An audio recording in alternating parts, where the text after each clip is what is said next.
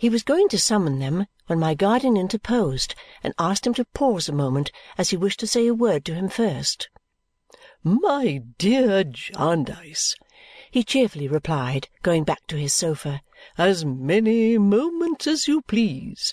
Time is no object here. We never know what o'clock it is, and we never care. Not the way to get on in life, you'll tell me. Certainly. But we DON'T get on in life. We don't pretend to do it." My guardian looked at us again, plainly saying, "You hear him?" "Now, Harold," he began, "the word I have to say relates to Rick. Ah, the dearest friend I have!" returned Mr. Skimpole cordially. "I suppose he ought not to be my dearest friend, as he is not on terms with you. But he is.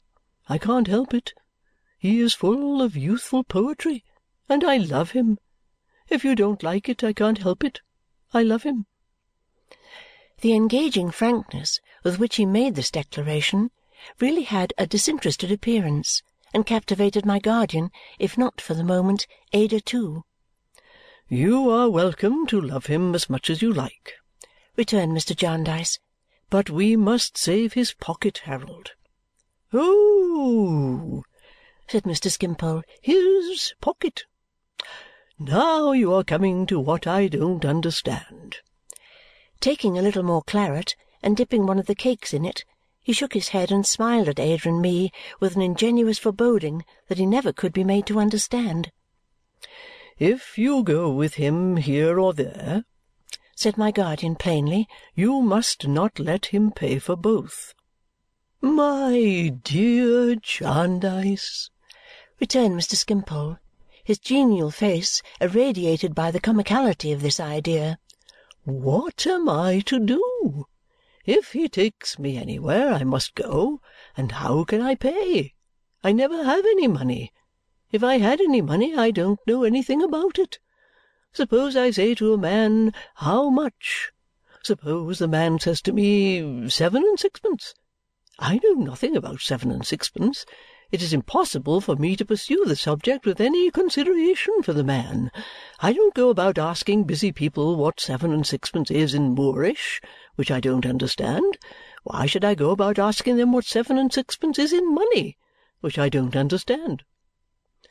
"Well," said my guardian, by no means displeased with this artless reply, "if you come to any kind of journeying with Rick, you must borrow the money of me never breathing the least allusion to that circumstance, and leave the calculation to him."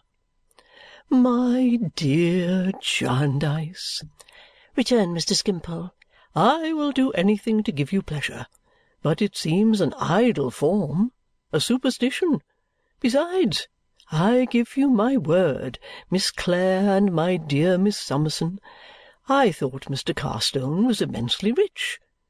I thought he had only to make over something, or to sign a bond, or a draft, or a cheque, or a bill, or to put something on a file somewhere, to bring down a shower of money." "Indeed, it is not so, sir," said Ada. "He is poor." "No, really?" Returned Mr. Skimpole with his bright smile. "You surprise me!" "And not being the richer for trusting in a rotten reed," said my guardian, laying his hand emphatically on the sleeve of Mr. Skimpole's dressing gown, "be you very careful not to encourage him in that reliance, Harold." "My dear good friend," returned Mr. Skimpole, "and my dear Miss Summerson and my dear Miss Clare, how can I do that? It's business, and I don't know business. It is he who encourages me. He emerges from great fates of business, presents the brightest prospects before me as their result, and calls upon me to admire them. I do admire them as bright prospects, but I know no more about them and I tell him so."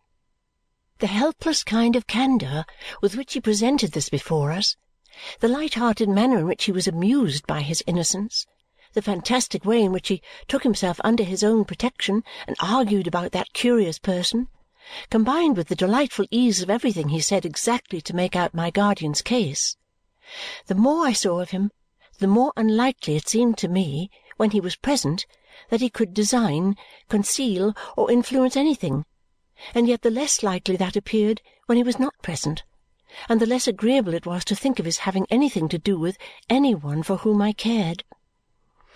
Hearing that his examination, as he called it, was now over, Mr. Skimpole left the room with a radiant face to fetch his daughters. His sons had run away at various times.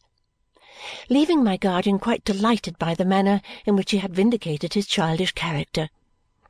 He soon came back, bringing with him the three young ladies and Mrs. Skimpole, who had once been a beauty but was now a delicate high-nosed invalid suffering under a complication of disorders. "This," said Mr. Skimpole, "is my beauty daughter Arethusa. Plays and sings odds and ends like her father. This is my sentiment daughter, Laura. Plays a little, but don't sing. This is my comedy daughter, Kitty. Sings a little, but don't play.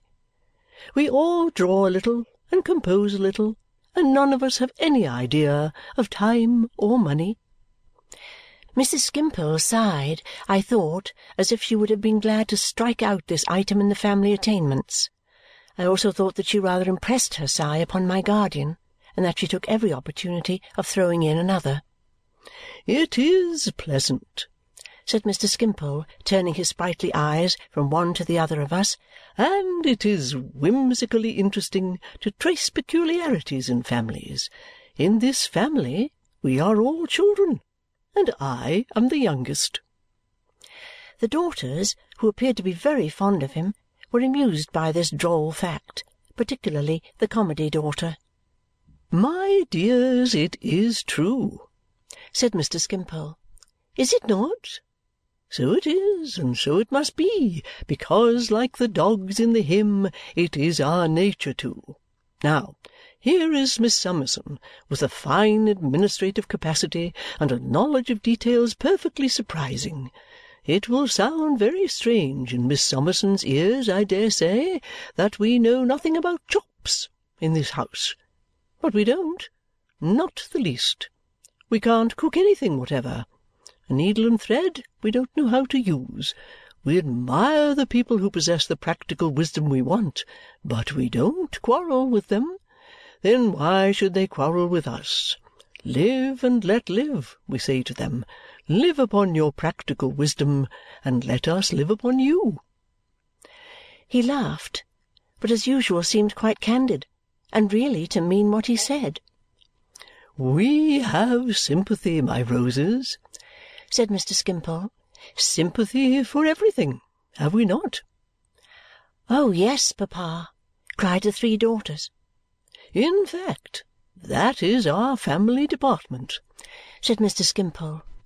"In this hurly burly of life we are capable of looking on and of being interested, and we do look on, and we ARE interested. What more can we do? Here is my beauty daughter, married these three years. Now I dare say her marrying another child and having two more was all wrong in point of political economy, but it was very agreeable.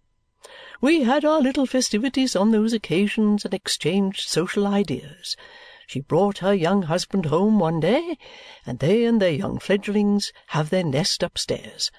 I dare say at some time or other sentiment and comedy will bring their husbands home and have their nests upstairs too. So we get on. We don't know how, but somehow. She looked very young indeed to be the mother of two children, and I could not help pitying both her and them. It was evident that the three daughters had grown up as they could and had had just as little haphazard instruction as qualified them to be their father's playthings in his idlest hours. His pictorial tastes were consulted, I observed, in their respective styles of wearing their hair, the beauty daughter being in the classic manner, the sentiment daughter luxuriant and flowing, and the comedy daughter in the arch style, with a good deal of sprightly forehead and vivacious little curls dotted about the corners of her eyes. They were dressed to correspond, though in a most untidy and negligent way. Ada and I conversed with these young ladies and found them wonderfully like their father. In the meanwhile, Mr. Jarndyce, who had been rubbing his head to a great extent and hinted at a change in the wind, talked with Mrs. Skimpole in a corner where we could not help hearing the chink of money. Mr. Skimpole had previously volunteered to go home with us and had withdrawn to dress himself for the purpose. "My roses," he said when he came back, "take care of mamma. She is poorly to-day. By going home with Mr. Jarndyce for a day or two, I shall hear the larks sing and preserve my amiability. It has been tried, you know, and would be tried again if I remained at home." "That bad man!" said the Comedy daughter. "At the very time when he knew papa was lying ill by his wallflowers, looking at the blue sky," Laura complained. "And when the smell of hay was in the air," said Arethusa. "It showed a want of poetry in the man," Mr. Skimpole assented, but with perfect good humour. "It was coarse. There was an absence of the finer touches of humanity in it. My daughters have taken great offence," he explained to us, "at an honest man." "Not honest, papa, impossible!" they all three protested. "At a rough kind of fellow, a sort of human hedgehog rolled up," said Mr. Skimpole, "who is a baker in this neighbourhood and from whom we borrowed a couple of arm-chairs. We wanted a couple of arm-chairs, and we hadn't got them, and therefore of course we looked to a man who HAD got them to lend them. Well, this morose person lent them, and we wore them out. When they were worn out, he wanted them back. He had them back. He was contented, you will say. Not at all. He objected to their being worn.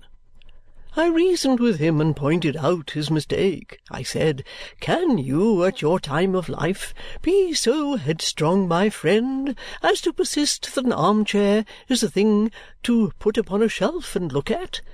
That it is an object to contemplate, to survey from a distance, to consider from a point of sight? Don't you know that these arm-chairs were borrowed to be sat upon?' He was unreasonable and unpersuadable and used intemperate language. Being as patient as I am at this minute, I addressed another appeal to him. I said, 'Now, my good man, however our business capacities may vary, we are all children of one great mother, Nature. On this blooming summer morning, here you see me I was on the sofa with flowers before me, fruit upon the table, the cloudless sky above me, the air full of fragrance, contemplating nature. I entreat you, by our common brotherhood, not to interpose between me and a subject so sublime, the absurd figure of an angry baker. But he did," said Mr. Skimpole, raising his laughing eyes in playful astonishment. He did interpose that ridiculous figure, and he does, and he will again. And therefore I am very glad to get out of his way and to go home with my friend Jarndyce." It seemed to escape his consideration that Mrs. Skimpole and the daughters remained behind to encounter the baker, but this was so old a story to all of them that it had become a matter of course. He took leave of his family with a tenderness as airy and graceful as any other aspect in which he showed himself and rode away with us in perfect harmony of mind. We had an opportunity of seeing through some open doors as we went downstairs that his own apartment was a palace to the rest of the house.